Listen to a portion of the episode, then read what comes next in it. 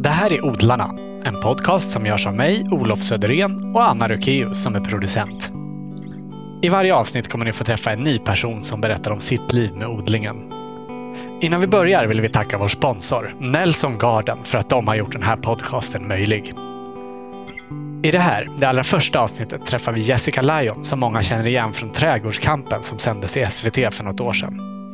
Nu driver hon Odlings-TV, en Youtube-kanal med massa videoklipp om odling. Vi spelade in intervjun med Jessica i hennes gulliga lilla hus i Vendelsö söder om Stockholm i slutet av maj. Varsågoda!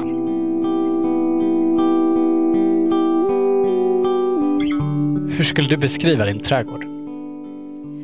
I min trädgård skulle jag vilja säga att jag vill att det inte bara ska vara min trädgård utan att det ska finnas plats för, för alla, både människor och djur och växter. Att det är våran trädgård helt enkelt. Så skulle jag vilja beskriva den. Vilka mer än du är det som brukar vara i trädgården? Är ni fler som odlar här? Här i våran trädgård så är det ju, det är ju vad det gäller odlade grönsaker och växter och så, så är det ju, det är ju familjen som gör det. Sen är det nödvändigtvis inte alltid bara familjen som, som äter av det, men det är ju en helt, annan, en helt annan fråga. Vi har ju många djur som tycker om att besöka vår trädgård mm. och eh, njuta av vad vi odlar helt enkelt. Vilka är det som brukar komma? Vi har ju väldigt rikt djurliv här i Vändelsö. Så det är ju, framför allt så är det ju rådjuren då såklart som är särskilt intresserade av det som vi eh, tycker om att odla själva. De äter faktiskt det mesta har jag märkt. Och, eh, men det är ju också andra djur såklart. Vi har ju älgar och vi har en räv som dyker upp regelbundet. Och fåglar och grodor. Och... Eh, ser du de här besökarna som skadegörare eller gillar du att de kommer? Jag kan tycka att ehm, det är jätteviktigt att man har den här mångfalden. För att utan den så skulle det inte alls bli där samma miljö men heller så skulle det inte gå att odla på samma effektiva sätt som jag tycker om att odla på. Så att de alla hjälps liksom åt. Och då är det så extra viktigt också att det finns även eh, plantor och växter som, som attraherar olika typer av djur. Till exempel säljen då tänker jag kanske närmast på nu när det är eh, med humlor och pollinerare och annat som är så himla viktigt på våren. Men att man också faktiskt till och med bjuder in djuren och, ja, i sin trädgård. Är det något djur som du helst inte skulle vilja komma hit? Vi har ju redan en, en otrolig massa spanska skogssniglar. Och det är klart att det kan ju vara lite ibland utmanande, eller vad ska jag säga, att se. Eh, för de tar ju verkligen över allt och äter ofantliga mängder och förökar sig enormt. Alltså grundsynen är ju såklart att alla ska vara välkomna, men ibland kan det ju kännas som att det blir just den här mångfalden lite får stryka på foten när man får väldigt mycket rådjur till exempelvis, eller, eller mördarsniglar. För då försvinner ju en hel del andra djur automatiskt. Är sniglarna din värsta fiende i trädgården? Ja, sniglarna är ju... Alltså det finns ju väldigt många sniglar och snäckor som är jätteviktiga för trädgården och odlingarna eh, och naturen såklart. Men när det kommer till den spanska skogssnigeln så är det ju det är ju en utmaning för de blir så otroligt många och de äter verkligen upp eh, typ allt.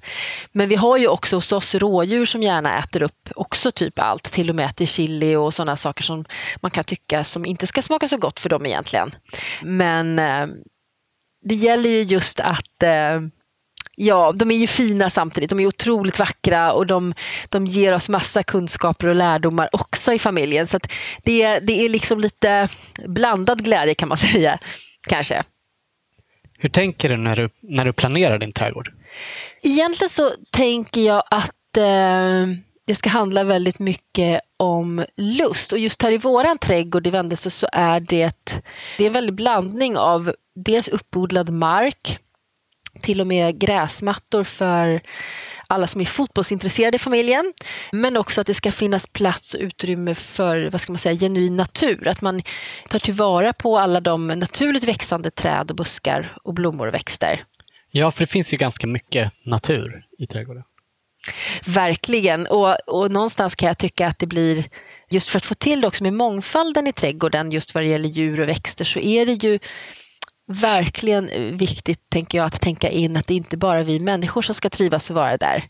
Och då blir det också viktigt att få in ett stycke typ orörd natur eh, också. Tar det vara på mycket saker från naturen också? Jag försöker ta, ta tillvara på så mycket, allt jag hittar på. Det blir liksom nästan som ett skafferi bara man går utanför dörren. Om man, om man lär sig lite mera om eh, växter och plantor och så vidare. För det finns ju faktiskt många som också är väldigt giftiga, skulle jag verkligen vilja vara tydlig med att säga. Men så finns det ju också många saker som man kanske kan ta tillvara på som finns på ens tomt som man inte kanske har tänkt sig att man kan äta. Och där försöker jag ofta alltifrån att eh, plocka granskott eller till att plocka myskmadra eller till och med kirskål. Att se, att se värdet av de sakerna som växer naturligt. Har du någon favorit av de här så kallade ogräsen? Oj, favorit av ogräsen? Egentligen så kan jag tycka att man äter dem ju så mycket tills man nästan inte orkar äta mer av dem. Eh, och då börjar man med något nytt. Jag tycker det är svårt att lyfta fram någon enstaka favorit. Jag, jag tycker verkligen att det är gott med kirskål, det måste jag säga. Och uh, jag vet att många svär åt den, men den är ju faktiskt väldigt god. Vad gör du med den då? Med kirskålen så brukar jag alltid fråga, alltså det absolut godaste tycker jag är det att plocka de lite nyare skotten, de som är lite, inte har stått så himla länge. Gärna de som kommer först på våren och att bara helt enkelt eh, med lite smör och lite grädde göra någon form av stuvning till, en, till en, någon annan rätt som passar. Eller lasagne till exempelvis är väldigt gott tycker jag med kirskål. Om vi tänker mer på odlingarna då, odlar du helst eh, ätbara saker eller är det mycket blommor och prydnadsväxter? Jag tycker om att samodla väldigt mycket och eh, det betyder att det blir ofta en väldig blandning av både ätliga saker och eh, även andra saker som blommar kanske vackert och drar pollinerare till exempelvis. Men ofta så försöker jag faktiskt kombinera det där så att om jag odlar en en, eh, en blomma så vill jag gärna också att den ska vara ätbar. Eller en ringblomma som också går att göra salva på. Eller att det blir lite sådär multifunktionellt. Så det är en himla blandning. Jag såg i ditt grönsaksland här att du såg ganska tätt. Det är väldigt tätt mellan salladsplantorna och spenatplantorna. Ja, jag, jag, älskar att så tätt. För mig blir det så att när jag sen gallrar, då skördar jag. Så att när jag, jag sår otroligt mycket tätare än vad man kanske ska göra enligt fröpåsarna till exempelvis. Och det går att göra upplever jag om man har en riktigt bra jord. En näringsrik jord som också är luckor. Då kan du på ett helt annat sätt eh, odla mycket, mycket tätare. Och gärna högbäddar också. Det ger ett fantastiskt resultat tycker jag. Och tänka till lite grann kring eh, odlingszoner och om det inte kanske är de eh, naturligt bästa förutsättningarna, att kanske är på ett blås, en blåsig plats eller så som du har dina trädgårdsland, att man kan faktiskt hitta en himla massa sätt att eh, att förändra mikroklimatet och på så sätt skapa en bättre odlingszon. Hur gör du det? Olika odlingszoner, det tycker jag man kan göra på olika sätt. Antingen så brukar jag lägga till exempel stenar lägger jag i, i landen för att hålla värmen och skapa liksom en jämnare, ett jämnare odlingsklimat över hela dygnet. De håller värmen över natten och samtidigt hjälper de till att hålla fukten kvar i landet. Så det är bra ur det perspektivet också. Men sen kan det handla om att man, eh, i mitt fall så tycker jag om att använda tyg eller så här och inringa så att säga specifika platser för att skapa lite mer vindskydd. Eller att odla mot en husvägg till exempelvis. Eller, ja, det finns många olika sätt som man kan använda sig av. Det är mycket krukor mot husväggen här ute. ja, just nu är det ju otroligt mycket krukor invid husväggen. Sen avtar det allt eftersom att året, så att säga, ju varmare det blir under sommaren desto färre för det blir liksom nästan för varmt. Just mot vår husvägg så är det i söderläge och det är en stengrund. Och där blir det ju ett fantastiskt mikroklimat för många småplantor att, att eh, växa till sig på innan de kanske ska planteras ut och sen i, i trädgården. Och hur gör du då för att jorden ska bli så där himla bra så du kan så så tätt? När, när det gäller, kommer till jord så tänker jag att det finns otroligt mycket att vinna på att efterlikna naturliga system, alltså att titta på hur det funkar i naturen. Och där handlar ju det bland annat om att jorden sällan är helt bar. Så täckodling är ett typiskt en sån sak som jag kan tycka och rekommendera alla, oavsett om man odlar i, i ett trädgårdsland eller i en kruka på en balkong, att det är just att jorden alltid ska vara täckt. Inte just precis då när man sår, men så fort det så att säga kommer upp någonting i odlingarna så ska man se till att lägga på Ja, kanske det man får ha tillgång till. Det behöver nödvändigtvis inte vara en gräsklipp utan det kan vara löv eller det kan vara kvistar eller blad eller annat. Men um, att det finns så otroligt mycket värdefulla material bara alldeles runt omkring oss som vi kan ta tillvara på. Och som då återger näring till jorden men som också skapar ett bättre bättre fukthållande egenskaper och annat. Och en annan struktur som blir mer luckor också för de här grödorna som ska växa där. Vilket skulle du säga är ditt största problem här i trädgården? Min största utmaning här i vår trädgård det är nog eh, att hinna före alla, alla vilda djur som vill äta upp det vi försöker odla. Det är ju verkligen viktigt, många djur hjälper till i trädgården men just de här rådjuren och mördarsniglarna vill ju gärna komma före en själv i det man odlar och då har man liksom inte riktigt den här chansen eh, att, eh, ja, att hinna först alla gånger. Du har ju ett eh, nytt projekt här ute i, i trädgården också. Kan du berätta om det? Vilket tänkte du på då? Det är så många ständigt pågående... Jag tänkte på det stora halvfärdiga växthuset. ja, jag har ju alltid drömt om ett växthus. Eh, och eh, har liksom inte riktigt haft varken eh, tid att bygga upp ett eller plats för det. Har jag tyckt tidigare då. Men nu är i alla fall stommen på plats. Men det krävs ju lite mer än så. Så att det saknar ju glasrutor just nu. Vilket gör att här inne i vårt hus har liksom blivit ett form av växthus kan man säga. Eh, vilket medför i sin tur en annan utmaning, att man inte riktigt ser ut längre genom våra glasrutor. Men eh, det är ju av övergående karaktär. Det är väldigt mycket tomatplantor.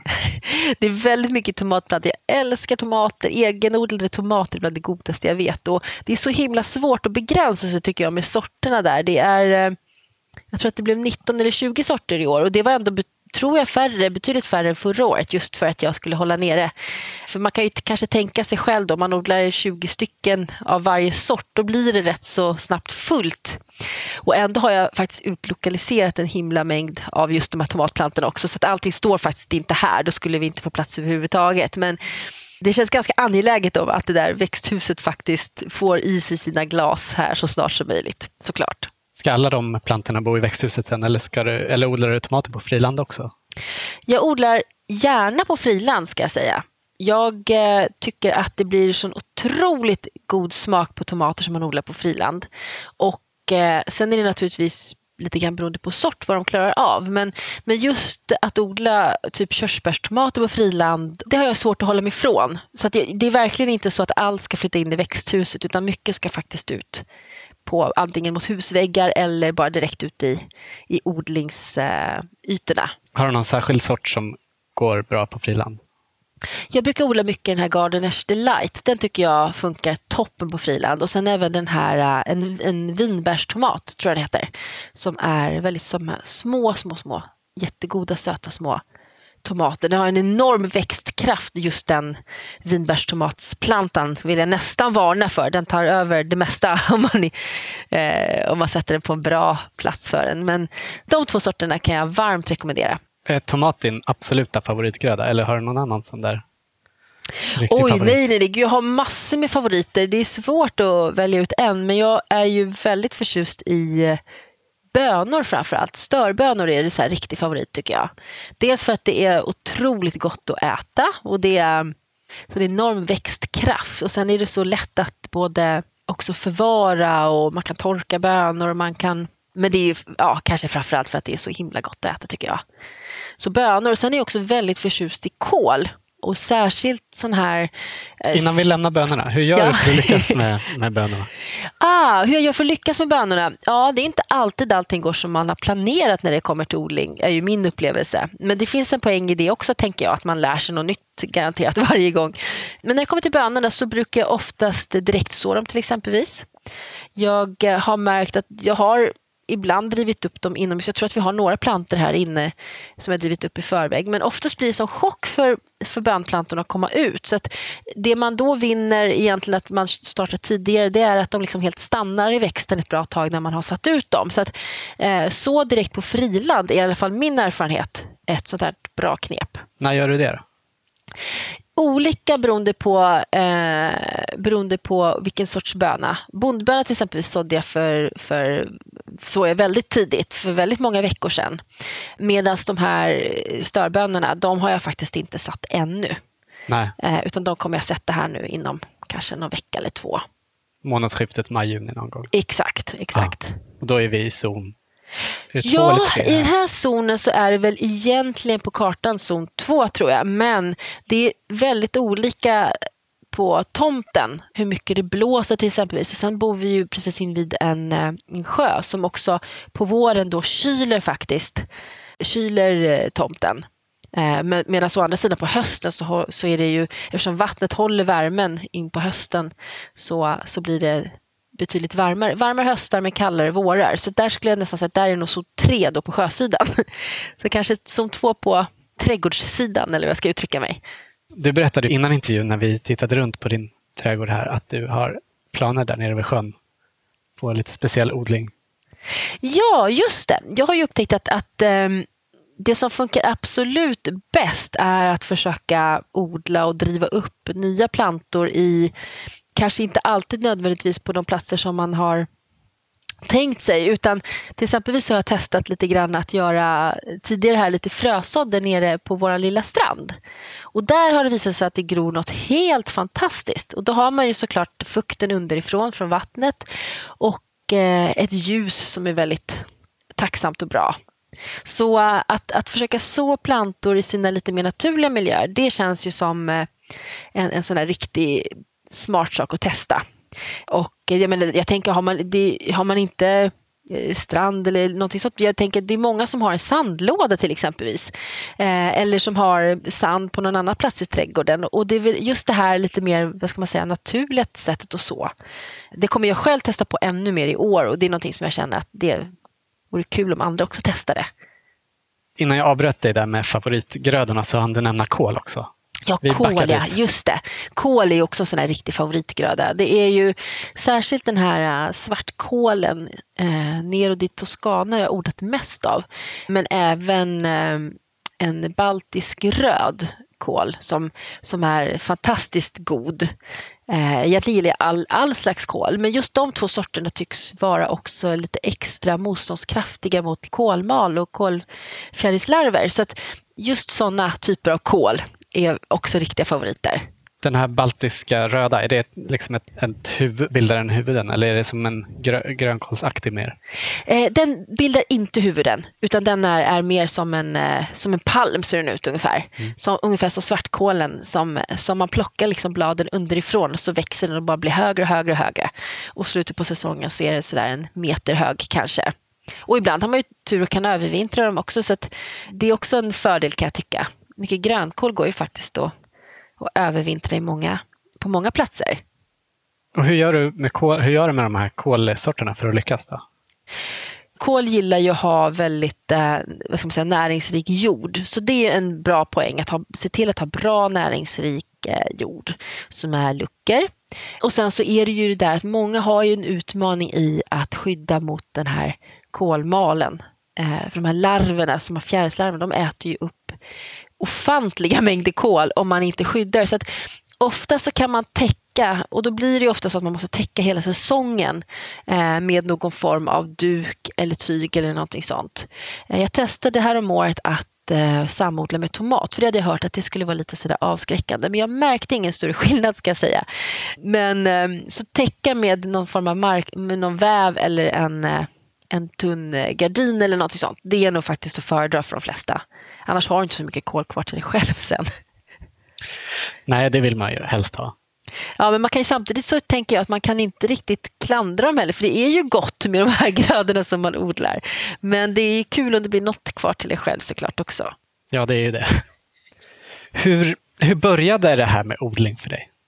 Oh, jag vet inte riktigt när det började, för det känns som att eh, jag alltid varit intresserad av odling på ett eller annat sätt. Och sen har sådär minne av att jag kanske, jag gissar att jag var kanske 7, 8, 9 år gammal och plockade de där sockerärtorna hos min mormor och hur de smakade.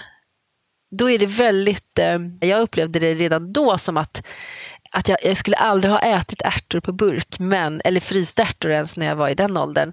Men att gå och plocka de där sockerärtorna direkt från landet, där, det är ju sådär minne som man har för livet på något vis. Och det har säkert påverkat mig mycket. Alltså den här smakmässiga, den sensoriska känslan som, eh, som det innebar. Eller jordgubbar direkt ifrån landet eller någonting sånt. Sen tror jag faktiskt att det var också något så skolprojekt, att man skulle odla på sommaren. Nu känns det här som att det var väldigt Aha. länge sedan plötsligt. Men det var också en sån här grej som, var, som jag eh, skrev upp mig på. Och eh, Då odlade vi bland annat potatis, kommer jag ihåg. Och det var också lite sådär... Något som man anmälde sig till frivilligt? Ja, det var någon slags frivillig grej. Kom och odla på sommarlovet eller någonting sånt här. Och det var, vi var, vad jag minns var vi rätt så många som, som tackade ja till det. Och det var väl typ som någon fritidsaktivitet eller någonting sånt. Så under ja. några sommarveckor så odlade Vilken ålder pratar vi ungefär nu? Och nu blir det lite gissningar. Jag skulle tro att vi var runt sådär 9-10 år. Och eh, det var väldigt, väldigt roligt. Och man lärde sig väldigt mycket på det också. Fortsatte du odla sen när du kom upp i tonåren och så också? I tonåren blev det nog lite mindre av odlandet, även om jag alltid har tyckt om att liksom ha växande so saker runt omkring mig, liksom i, i blommor, i fönster och annat. Men, men det varit helt klart lite mindre fokus på odlingen, det kan jag, det kan jag nog säga. känns som det är så för många. ja, det är så mycket annat som ska hinnas med när man är tonåring. Men däremot, sen direkt när jag flyttade hemifrån, vilket jag gjorde ganska tidigt, så började direkt att, att odla liksom på den lilla balkongen som jag hade. Och då odlade jag tomater och blommor och allt möjligt. Gick det bra med balkongodlingarna? Det gick väldigt bra att odla på balkong. Jag fick nästan inte plats på, på min balkong där efter ett tag. Det växte så det knakade och det var eh, söderläge. Och eh, jag har något sådär minne av att jag låg på balkongen på någon sån här eh, dyna och, eh, och åt av de här eh, tomaterna bland annat. Det var som att vara i en liten trädgård. Och den, här, alltså den här balkongen kanske var sex kvadrat, så absolut inte större. Så det var ingen jättebalkong. Men, men det är förvånansvärt tycker jag vad mycket man faktiskt kan odla på en balkong. Jag tror att många kanske inte tänker på det. Att man tänker att man måste ha liksom ett stort trädgård och annat för att kunna odla potatis till exempelvis eller bär, buskar eller så. Men egentligen så är det faktiskt så att man kan hitta sätt för att odla på i alla fall, eller hur som helst. Har du något knep för att det inte ska torka ut snabbt? Knepet för att det inte ska torka ut så snabbt på balkongen är väl framförallt just dels att täckodla, att, att använda sig av eh, att täcka jorden på olika sätt som också i sin tur ger tillbaka näring till jorden. Som i gräsklipp eller blad eller så vidare. Men, och också sen kan man ju ha, eh, lite grann beroende på vad det är för växter såklart, men jag använder egentligen allt som går att täcka. Det kan vara snäckskal, musselskal, gärna stenar då återigen för att hålla värmen och fukten kvar över nätterna. Och, eh, det är väl ett sånt bra knep. Och sen är det väl så att när man odlar i lite mer begränsad yta, som en, kanske en kruka eller en hink är, att det är viktigt just med att se till att det hela tiden finns tillräckligt med näring också i jorden. Men annars tycker jag att man kan odla typ nästan allt på en på just en balkong eller i en, på en terrass. Man kan ju till exempel spaljera till och med vissa fruktträd, eller många fruktträd, men vissa sorter kanske lämpar sig bättre för det. Eller bärbuskar kan man stamma upp och så kan man odla liksom andra saker under dem och så vidare. Så det är egentligen bara tekniken och se till att försöka skapa någon slags, eh, gärna lite djup på jorden, så kommer det att eh, funka hur bra som helst. Och eh, efter balkongodlingarna, vad händer då? Efter balkongodlingar och diverse studier i Uppsala så, så flyttade jag faktiskt till hus. Så att här, har vi, här har vi bott länge, så att det har funnits gott om möjligheter att odla hela tiden här såklart. Och här har vi ju en jättestor tomt, men det som jag kan tycka är ändå värt att lyfta fram är att, att även om vi har en stor tomt så betyder det ändå inte det att jag odlar överallt eller så, utan det behövs ganska små ytor egentligen för att, för det är också så, har du stora ytor som du odlar på så kräver det också mer liksom, arbetsinsats. Om man bara tänker till lite så kan man faktiskt få väldigt, väldigt bra avkastning även på mindre ytor. Här är det ju väldigt mycket så att man ser till att odla också det materialet som finns eh, som man vill ha i sina odlingar. Man odlar sina störar, sina hasselstörar. Man Eh, jag har planterat in pil till exempelvis nu bara för att jag vill så gärna kunna fläta lite i pil. Att kunna samla hasselnötter eller granskott eller, eller tappa egen björksav, en egen björk. För det är mycket sådana saker som man faktiskt måste vara tydlig med att säga att det inte bara går ut och göra i naturen hur som helst utan det krävs markägares tillstånd och så. Men där tänker jag också att man kan ju faktiskt bygga in det i sin egen trädgård. Du har ju ett blåbärsfält här nere också. ja, ja, jag älskar ju blåbär och det, det är ju där helt naturligt. Det är inte jag som har planterat in utan det gäller ju att se till allt det som och sätta värde på det som finns precis utanför husknuten tänker jag. Och utanför här eh, så växer jättemycket blåbär. Och just nu är det blåbärsblommor och de är ju faktiskt ganska goda och dekorativa att ha i desserter till exempelvis. Och sen kommer det alldeles strax, och de går naturligtvis inte att äta, men mängder av liljekonvaljer som doftar helt fantastiskt gott här om någon vecka eller två. Ett helt, liksom, ett helt fält. Och, och därefter då så kommer blåbären som är supergoda. Så det finns mycket sånt. Det är en himla tur att ingen före oss har bara gått och mejat ner det där och gjort en stor gräsmatta, tänker jag. Har du några förebilder inom odling? Jag tycker att det finns förebilder överallt. Inte minst eh, med mitt jobb med odlingstv så kommer man i kontakt med så otroligt mycket människor som är kunniga och duktiga och skänker en helt fantastisk inspiration vad det gäller att odla på många olika sätt. Och eftersom jag tycker om att odla, alltså jag älskar att odla grönsaker, absolut, men jag tycker egentligen om att odla allt möjligt som går. Och, och för mig är odling även att, att liksom odla en gran, om du förstår vad jag menar. Alla, alla kanske inte tänker på det på det sättet, men så, så tänker jag i alla fall. Och då blir det så att man träffar på så himla många olika människor som är duktiga inom speci sina specifika områden eller allmänkunniga eller så och får vansinnigt mycket inspiration. Sen kan jag tycka att det finns väldigt mycket kunskaper så som kanske man inte har värdesatt på rätt så många år men som kanske nu återigen börjar bli lite mera värderade eller hur jag ska säga. Och då är det extra viktigt nu tänker jag med den här liksom lärandeprocessen. Man delar med sig människor emellan. Och Vad tänker du på för slags kunskap då? Ja, jag tänker till exempel på allt det här med hur man kan eh, liksom förädla det man odlar. Kanske vad det handlar om mjölksyning till exempel. Olika sådana typer av processer. Eller, eller bara här helt enkelt hur man hur man odlar. För det var ju faktiskt någonting som, som man kunde för ett antal år sedan. Det kunde, vi var tvungna att kunna det. Medan ja, under 60, 70, 80-talet då kanske man handlade det stället i en butik och där gick mycket av den här kunskapen förlorad, tror jag i alla fall. Och, och, det tycker jag är lite synd. Många äldre har ju fortfarande kvar den kunskapen men att försöka hitta eh, sätt att eh, bygga broar, för det finns så enormt mycket kunskap som annars riskerar att bara gå förlorad om våra äldre människor i samhället inte har möjlighet att dela med sig på ett naturligt sätt. För jag tror ju ändå, jag känner ändå att det finns väldigt mycket intresse för det bland ja, många generationer och många yngre generationer inte minst. Och därför är det väldigt kul att se att det börjar bli fler och fler som odlar. Du nämnde ju odlingstv innan. Ja, just det. Kan du berätta mer om det? Och var ska jag börja? Det är ju så att för många år sedan, då letade jag ganska mycket på nätet inte minst om att lära mig mer om odling. För det blev av olika anledningar så kände jag att det här vill jag liksom satsa ännu mer på. Det här tycker jag är så himla roligt och spännande på många olika sätt. Men insåg att det fanns inte så himla mycket rörligt material om odling. Och samtidigt så tyckte jag att det här med odling är, ju, det är väldigt visuellt. Så själv letade jag efter massa rörligt material på nätet och tyckte att jag hittade några enstaka kanske Youtube-klipp från Australien eller England eller så. Men ingenting riktigt för liksom svenska förhållanden på det sättet. Och då föddes tanken på att det borde finnas något liknande i Sverige, någon form av webb-tv-kanal eller någonting sånt. Och i kombinationen med då också att jag kunde tycka att det kanske inte fanns så himla mycket odling och trädgård just i vad ska man säga, gammel-tv, får man säga så. Eh, så tänkte jag att det skulle vara roligt att få se. Att kunna få se vanliga människor odla, odla på olika sätt och annat. Och eh, eftersom jag själv då driver en eh, jag driver ett eget företag som jobbar med strategisk marknadskommunikation och hjälper andra företag med eh, olika typer av ja, kommunikationsfrågor. Så kände jag att, att av den anledningen vore det också spännande att kunna starta en sån här Youtube-kanal för att se lite grann och lära mig själv för att själv då kunna vidarebefordra till mina mina kontakter. Men det stora drivkraften var ändå att jag hade faktiskt väldigt gärna själv sett eh, sådana här liknande klipp om odling och trädgård på alla de sätt. För att kunna få lära mig mer, för att kunna inspireras av andra människor.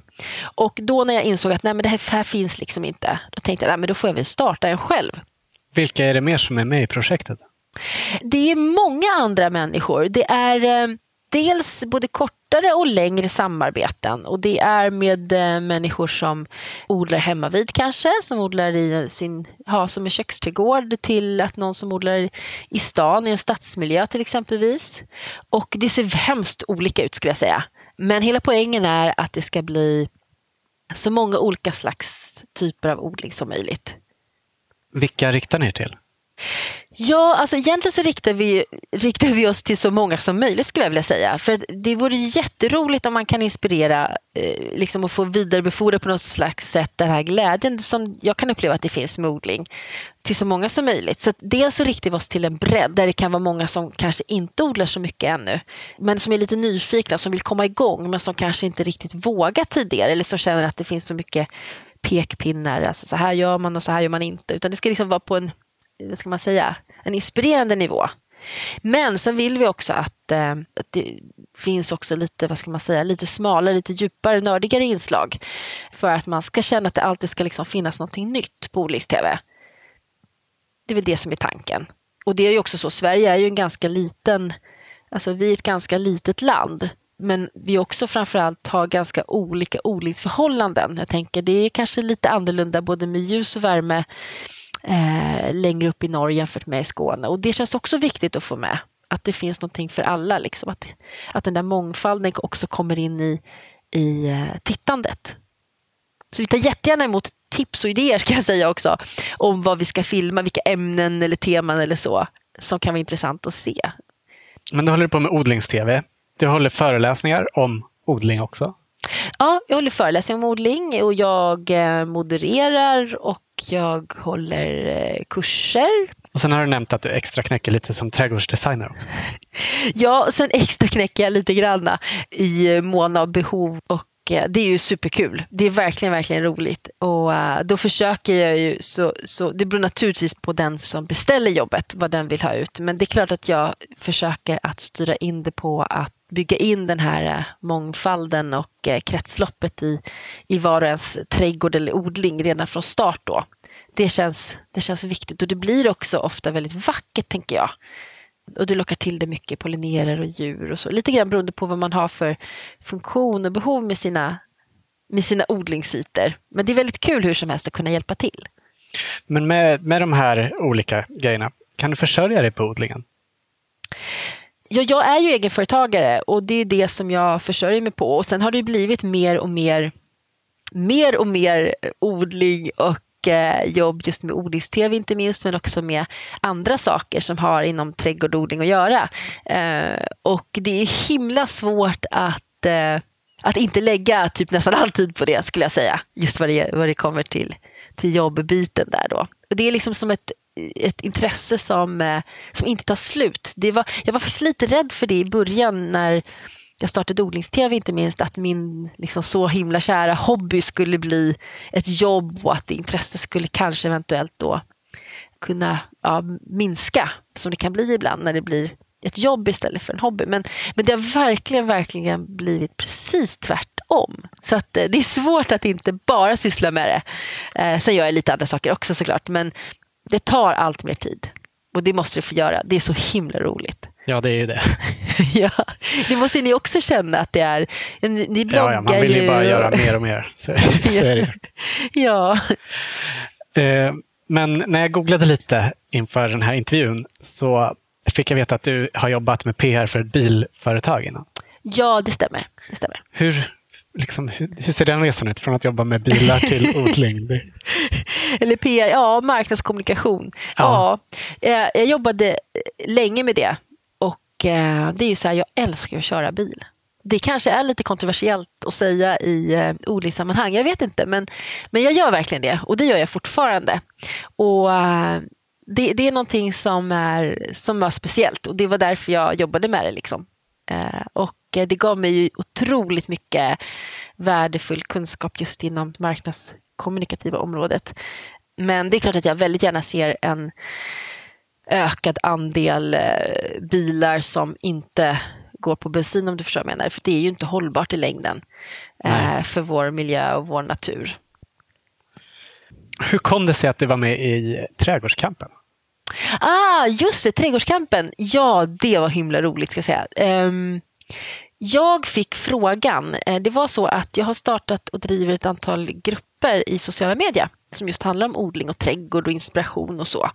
Och då var det någon, eller egentligen faktiskt några där som hade snappat upp att det här skulle bli ett program och som eh, tryckte på lite grann kan man säga och tyckte att jag skulle vara med. Och först så kände jag sådär att nej, vad ska jag göra i tv? Det kändes inte alls som jag. så. Jag är egentligen inte alls, eh, jag ska inte säga att jag är blyg, det är jag inte, inte längre i alla fall. Men eh, det kändes som att eh, ja, det fanns det andra som kanske skulle tycka vara eh, roligare att vara i bild än jag, helt enkelt. Men sen ju mer jag tänkte på det där, då tänkte jag ju faktiskt att det skulle kunna vara en bra ingång för att faktiskt komma igång på allvar med det här med odlings-tv. Och det, kanske, det kunde jag inte säga då, men det kan jag säga nu. Och eh, det var också, ska jag säga, med, med facit i hand, så var det en helt fantastiskt rolig tid eh, under inspelningarna med just Trädgårdskampen. Dels för att det var så otroligt mycket såklart att lära för mig då som hade tankarna på odlings-tv och en egen webb-tv-kanal eller en egen webb-tv-kanal tillsammans med andra då under ett tak som odlings-tv. Och där fanns det otroligt mycket att lära eh, inom, inom den biten av, av, av kommunikation helt enkelt. Men det absolut roligaste det var ju att träffa alla de här andra odlarna från, från hela Sverige. Och och även inom produktionen och så vidare. Vi hade så väldigt roligt tillsammans och det var ett sånt eh, härligt gäng helt enkelt. Och jag lärde mig supermycket på, på det hela, alltså rent odlingstekniskt också inte minst. Så det var väldigt, väldigt kul. Jag minns en eh, scen därifrån när ni skulle blanda jord. okay. Eh, du dissade ju konstgödslet ganska hårt. Eh, ja. Varför ja. gjorde du det? Nej, men det, vad ska det vara bra för? Det känner, och det känner jag ju fortfarande. Det, det är verkligen någonting jag står för. Jag, jag ser liksom inte någon poäng med konstgödsel överhuvudtaget. Det känns som att det är... Um, man tillför några få ämnen och tar bort en himla massa från vår jord. Och jag tänker det kan ju inte vara hållbart över tid. Och eh, det känns som att det finns så otroligt, vi borde ha så himla mycket mer kunskap än att behöva använda oss av någonting som är så kortsiktigt tänkt än just konstgödsel. Det är väldigt politiskt, jag vet, och, och, och, jag får säkert jättemånga bönder på mig nu som... Eh, jag sitter inte inne med alla svaren, absolut inte. Men, men vi kan åtminstone använda oss i våra egna trädgårdar, tänker jag, av saker som faktiskt finns redan i vår trädgård. Vi har, ofta har vi gräsklipp, ofta har vi blad eller annat som vi kan använda för, för att eh, täckodla med och få helt naturligt eh, fantastiskt fina näringsberikare som funkar hundra gånger bättre, upplever jag i alla fall, eh, än att behöva ta till konstgödsel. Vi kan göra nässelvatten, vi kan eh, samla tång om vi bor nära havet. Vi kan, det finns jättemycket saker som oftast är helt gratis också. Jag håller helt med dig, men vad skulle du säga till de som tycker att det växer lite bättre i trädgårdslandet om de slänger dit lite blåkorn eller något sånt där?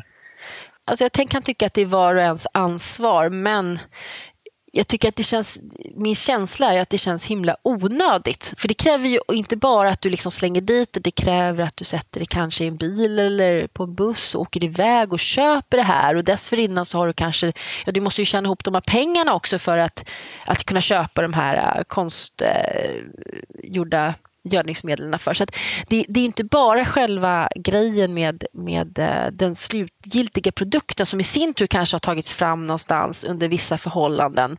Ja, vad vet jag. Men, men hur som helst, när, när vi har så mycket värdefullt precis utanför dörren för oss allra, allra flesta.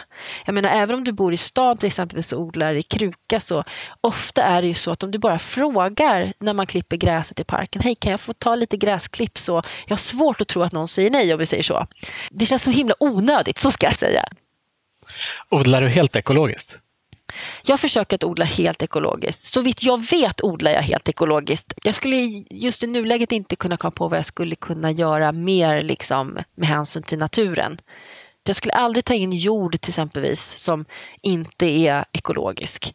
Eh, och jag skulle, eftersom jag försöker att bygga upp ett kretslopp och sluta kretslopp nästan kan man väl säga i vår egen trädgård så betyder det ju det att det som växer där också återgår där på olika sätt till odlingarna. Och det betyder ju också i sin tur att det blir ju väldigt efterliknat de naturliga processerna i en skog till exempelvis.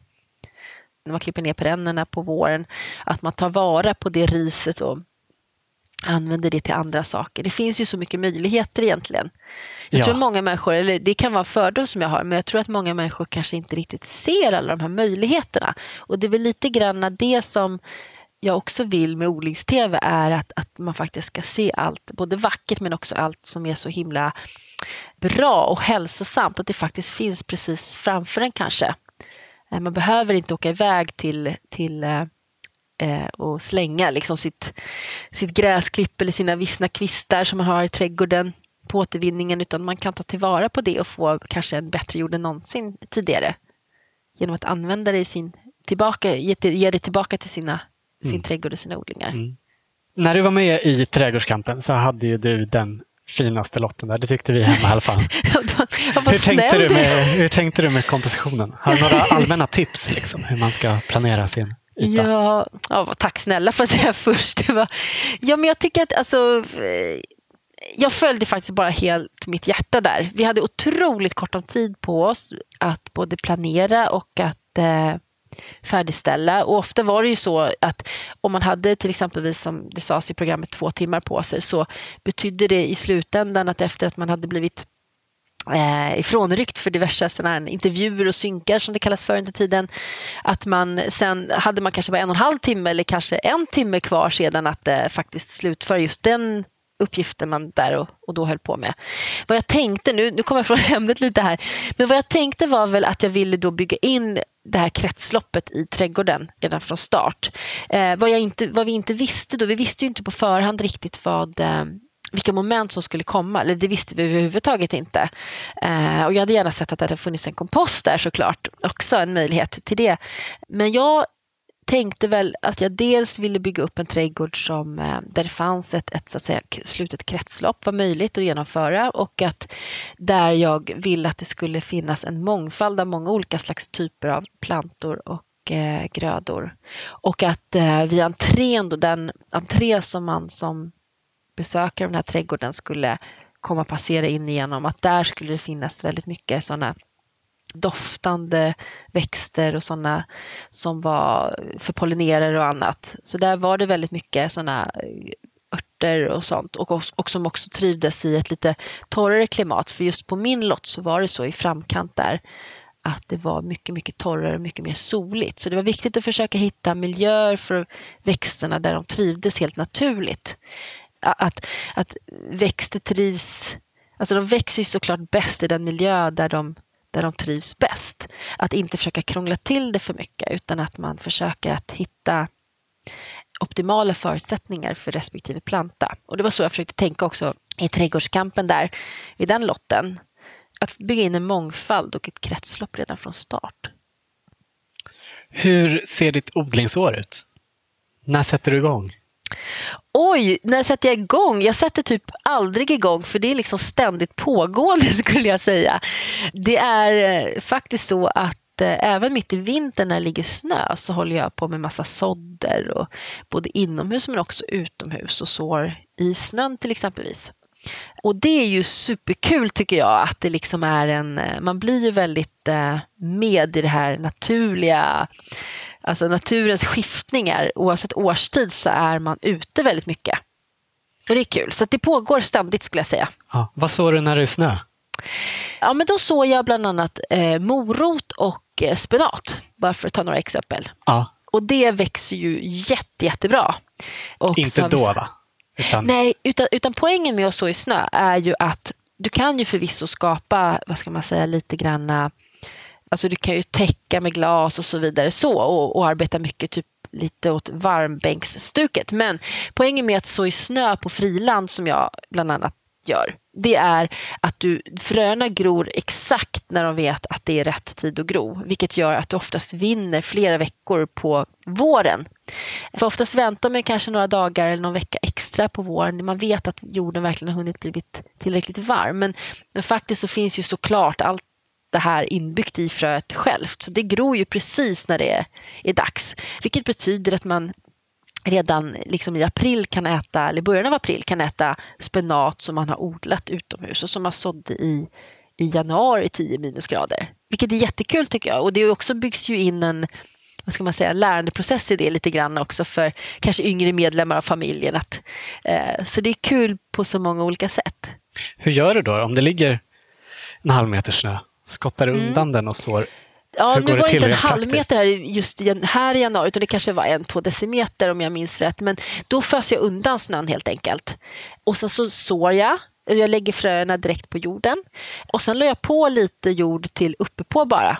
Och sen låter jag det vara. Jag, jag vattnar inte. Och jag så du har lite bara... jord som du har sparat inne som inte ja, är jag... sten?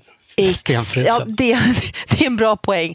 Det får den inte vara. Då får man ta in lite jord inomhus ett tag i så fall först. Så att det smälter lite. Eh, och sen får det helt enkelt, jag vattnar absolut inte för jag vill ju inte att det ska, även om det blir en varm dag i, i början på mars eller så, jag vill ju inte att det ska gro utan det ska ju gro precis när det är lagom. Eh, så jag låter det bara vara helt enkelt. Och när sätter du igång med förkultiveringen inomhus sen? Förkultivering inomhus, ja men den sätter jag ju, alltså jag odlar ju till exempelvis eh, chili och sånt. Det, alltså det börjar man ju med Alltså det är ju ständigt pågående sådder inomhus skulle jag säga. Eh, så, så chili till exempelvis någon gång i ja, mitt i vintern. Eh, och det är samma sak med vissa andra sådana alltså perenner som kräver lång tid på sig, eller kronärtskocka eller vad ska vi mer ta för exempel? Aubergine till exempelvis. Eller eh, stjälkselleri och så vidare. Sånt börjar man ju med redan när det fortfarande är vinter. Och sen har man ju dessförinnan kanske gjort också massa höstsådder av, av saker i landet. Så det, det, är ständigt eh, pågående skulle jag säga. Det här med odlingsåret kändes lite svårt att prata om. För ja. att det känns som att det blir lite, ja, som du säger, det går ju runt ja. hela året och saker går om varandra och så vidare. Ja. Men en sak som jag är nyfiken på, det är hur länge kan du lämna trädgården? Ja, alltså jag känner ju själv att det är viktigt faktiskt att kunna lämna sin trädgård. För mig är det liksom eh, viktigt att man kanske kan åka och hälsa på den där släktingen i en vecka eller två på sommarlovet. Eller att, man kan, att det liksom inte blir ett, ett hinder i livet. Så av den anledningen så tänker jag ganska mycket på dels redan när jag förkultiverar plantor. Att om det är så att jag ska eh, har planer på att resa iväg över en helg eller, eller en vecka eller så, så, så, så sår jag på ett annat sätt eh, jämfört med om jag, hur skulle jag gjort annars. Jag gjorde ett klipp om det på Odlingstv för inte så länge sedan, hur man kan så i, jag kallar det för frökuvöser. Det är också så smart knep. Det finns olika tekniker för det och det betyder sen att man kan faktiskt resa iväg från den där frösådden. I, hur ser en frökuvös ut? Nej, det är bara man tar en, en, en hink eller bytta som har ett lock som släpper igenom ljus. Eh, om det är sådana saker man vill så, som, behöver, som är ljusgroende. Och sen så eh, fyller man den ungefär en tredjedel med jord och förvattnar. Eh, viktigt. Så att jorden blir helt genomfuktad men ändå inte inte blöt, får inte bli för då ruttna, kan fröna ruttna. Och så sår man till exempelvis kål i det här fallet, var det sista jag sådde på, så, på sånt vis. Och sen så eh, stänger jag locket helt enkelt, men jag gör några små hål i locket. Och då är det eh, viktigt sen att det blir tillräckligt många hål för att eh, släppa iväg kondens, men tillräckligt få. Det är bättre att göra fler hål men med mindre storlek i locket. Eh, så att du får ett, ett bra eh, klimat i den här burken. Och så ställer du den på en lagom ljus plats, alltså väldigt ljust gärna eh, om det är ljusgroende fröer. Men Kanske inte om du ska vara borta en vecka i direkt solljus för då kan det ju hända att det blir för varmt där inne i den här frökuvösen. Men i ett, i ett, ett fönster som vetter mot öster kanske eller, eller så kan funka bra. Här hemma funkar det i alla fall väldigt bra. Och sen kan du åka bort en vecka och sen så växer och gror där i. Och det växer också dessutom eh, fort som 17 till skillnad från om du skulle ha sått det i pluggbrätten till exempelvis. För att det blir så himla gynnsamt klimat för fröerna att gro helt enkelt. Och om du är utomhus, om det är liksom eh, friland som du odlar på, då är det ju extra viktigt och, och, smart och bra just att täcka jorden. Om du inte täckodlar sedan innan så är det ett väldigt smart knep att, att täcka jorden med gräsklipp eller annat täckmaterial och stenar för att just hålla kvar fukten i jorden. Och sen kan jag tycka att det är en poäng i att, att använda sig av den tekniken helt oavsett om du ska resa bort eller inte. Dels såklart beroende på att du får en himla mycket, du får ett varmare och bättre mikroklimat men också att du får mer näring till jorden. Men du får också en poäng i att du slipper vattna lika ofta totalt sett. Vilket kan vara bra antingen för att det är en arbetsinsats men också att eh, du får rötter som söker sig mycket djupare ner. Och det kan ju också vara så att man inte har fri tillgång till vatten. Och då är det ju extra viktigt att, att eh, på en kolonilott kanske till exempelvis, eller om du har långt att bära eller, eller så, att du, får en, att du slipper vattna lika ofta. Det finns många bra saker med det. Du återkommer till det här med täckodling. Ja, täckodling känns ju som en eh, jättesmart grej att göra. Det är liksom så, oftast tycker jag i alla fall att det, det, är... Alltså naturen sitter själv inne på de absolut smartaste lösningarna. Liksom. Förädlade sedan miljontals år. Och just det här med täckodling är ju så himla grundläggande. Om man tänker efter så är det ju så otroligt sällan man ser bar jord i naturen. Och det är klart att det, att det finns en anledning till det, tänker jag. Så att täckodling ligger mig väldigt varmt om hjärtat. Det gör det verkligen. Eh, är det bara kul att odla eller känns det någon, någon gång stressigt? Oj, när det känns stressigt för mig, då, då, ja, då, då gör jag något annat, höll jag på att säga. Eh, jag tycker verkligen att det är viktigt att odling är glädje. Och att för mig personligen så sätter det igång verkligen en kreativ process också som jag har nytta av, upplever jag i många andra sammanhang. Men stressigt ska det inte få kännas. Det skulle väl i så fall vara någon gång om det är klart, jo, lite stressigt känns det ju när man kommer hem och upptäcker att, att eh, alla liksom, tomat och chiliplantor har blivit toppade av, av eh, vårt eh, rådjur här som bor i trädgården. Det, det, då kan man såklart uppleva lite stress för att man hade väl gärna sett kanske att några av de där blev tillräckligt stora och kunde man kunde få njuta av det själv. Men, men stressigt totalt sett? Nej, för mig är det snarare så att det är otroligt nedvarvande att, att just hålla på med odling. Har du aldrig dåligt samvete över det där som du borde ha gjort? Eller, eller så? nej, men det är väl snarare att man, nej inte direkt dåligt samvete, däremot så kan jag känna ibland att det verkligen så kliar i fingrarna att jag vill, och det är så mycket jag vill testa och experimentera med och, och allt kanske man faktiskt inte hinner med att göra.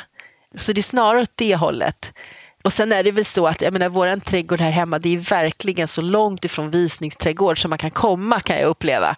Men det tycker jag är väldigt, alltså jag tycker det är väldigt skönt. För här kan man liksom få vara, alla människor kan få vara och eh, det blir, eh, eh det skapar liksom en eh, en lekfullhet som är härlig tycker jag. Det blir en härlig atmosfär, en tillåtande atmosfär.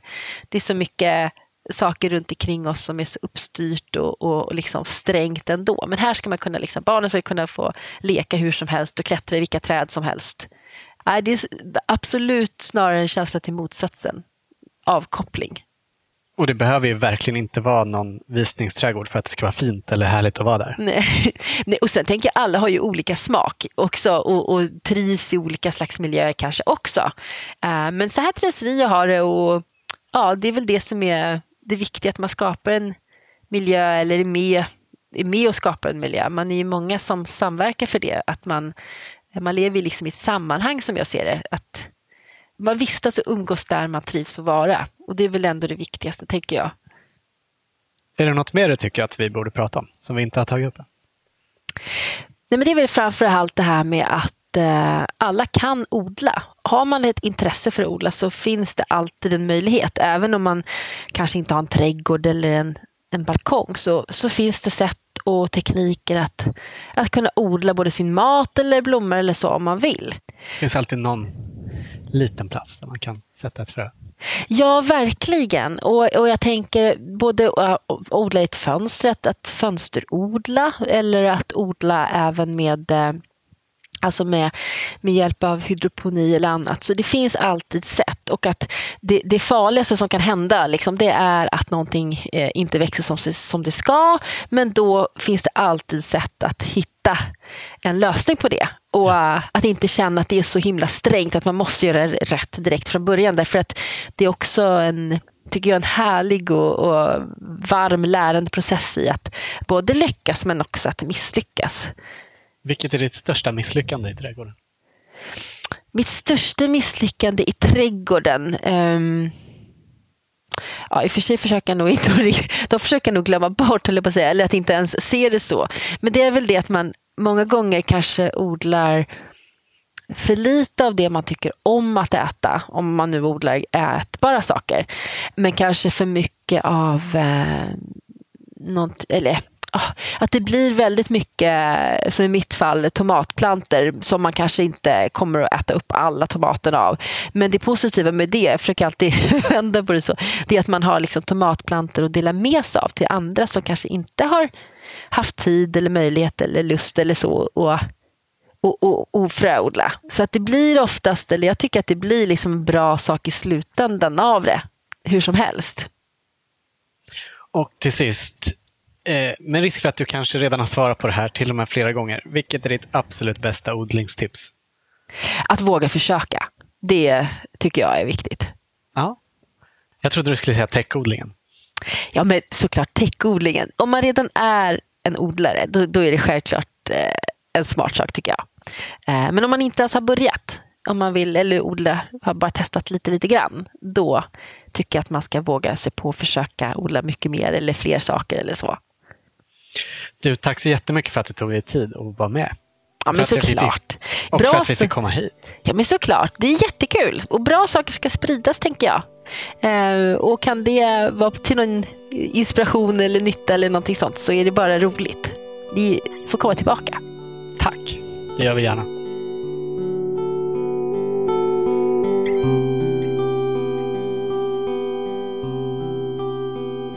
Du har hört Jessica Lyon som intervjuades i premiäravsnittet av Odlarna. Om ni vill ha mer odlingstips av Jessica så kolla in Odlingstv på Youtube. Hon har också en blogg som heter Odlarbloggen och du kan även följa henne och Odlingstv i de största sociala medierna. Tack för att du lyssnat och tack igen till vår sponsor Nelson Garden. Om du har synpunkter på det här programmet eller tips på personer som du vill att vi ska intervjua, då får du jättegärna mejla till odlarna.podcast@gmail.com. Producent för odlarna är Anna Rökeus. Jag heter Olof Söderén. Vill du följa oss och vår odling kan du göra det på vår blogg, spenatistan.se. Nästa avsnitt kommer om två veckor. Då får ni träffa stadsodlingsgurun och författaren Lena Israelsson. Hoppas ni lyssnar då. Hej då!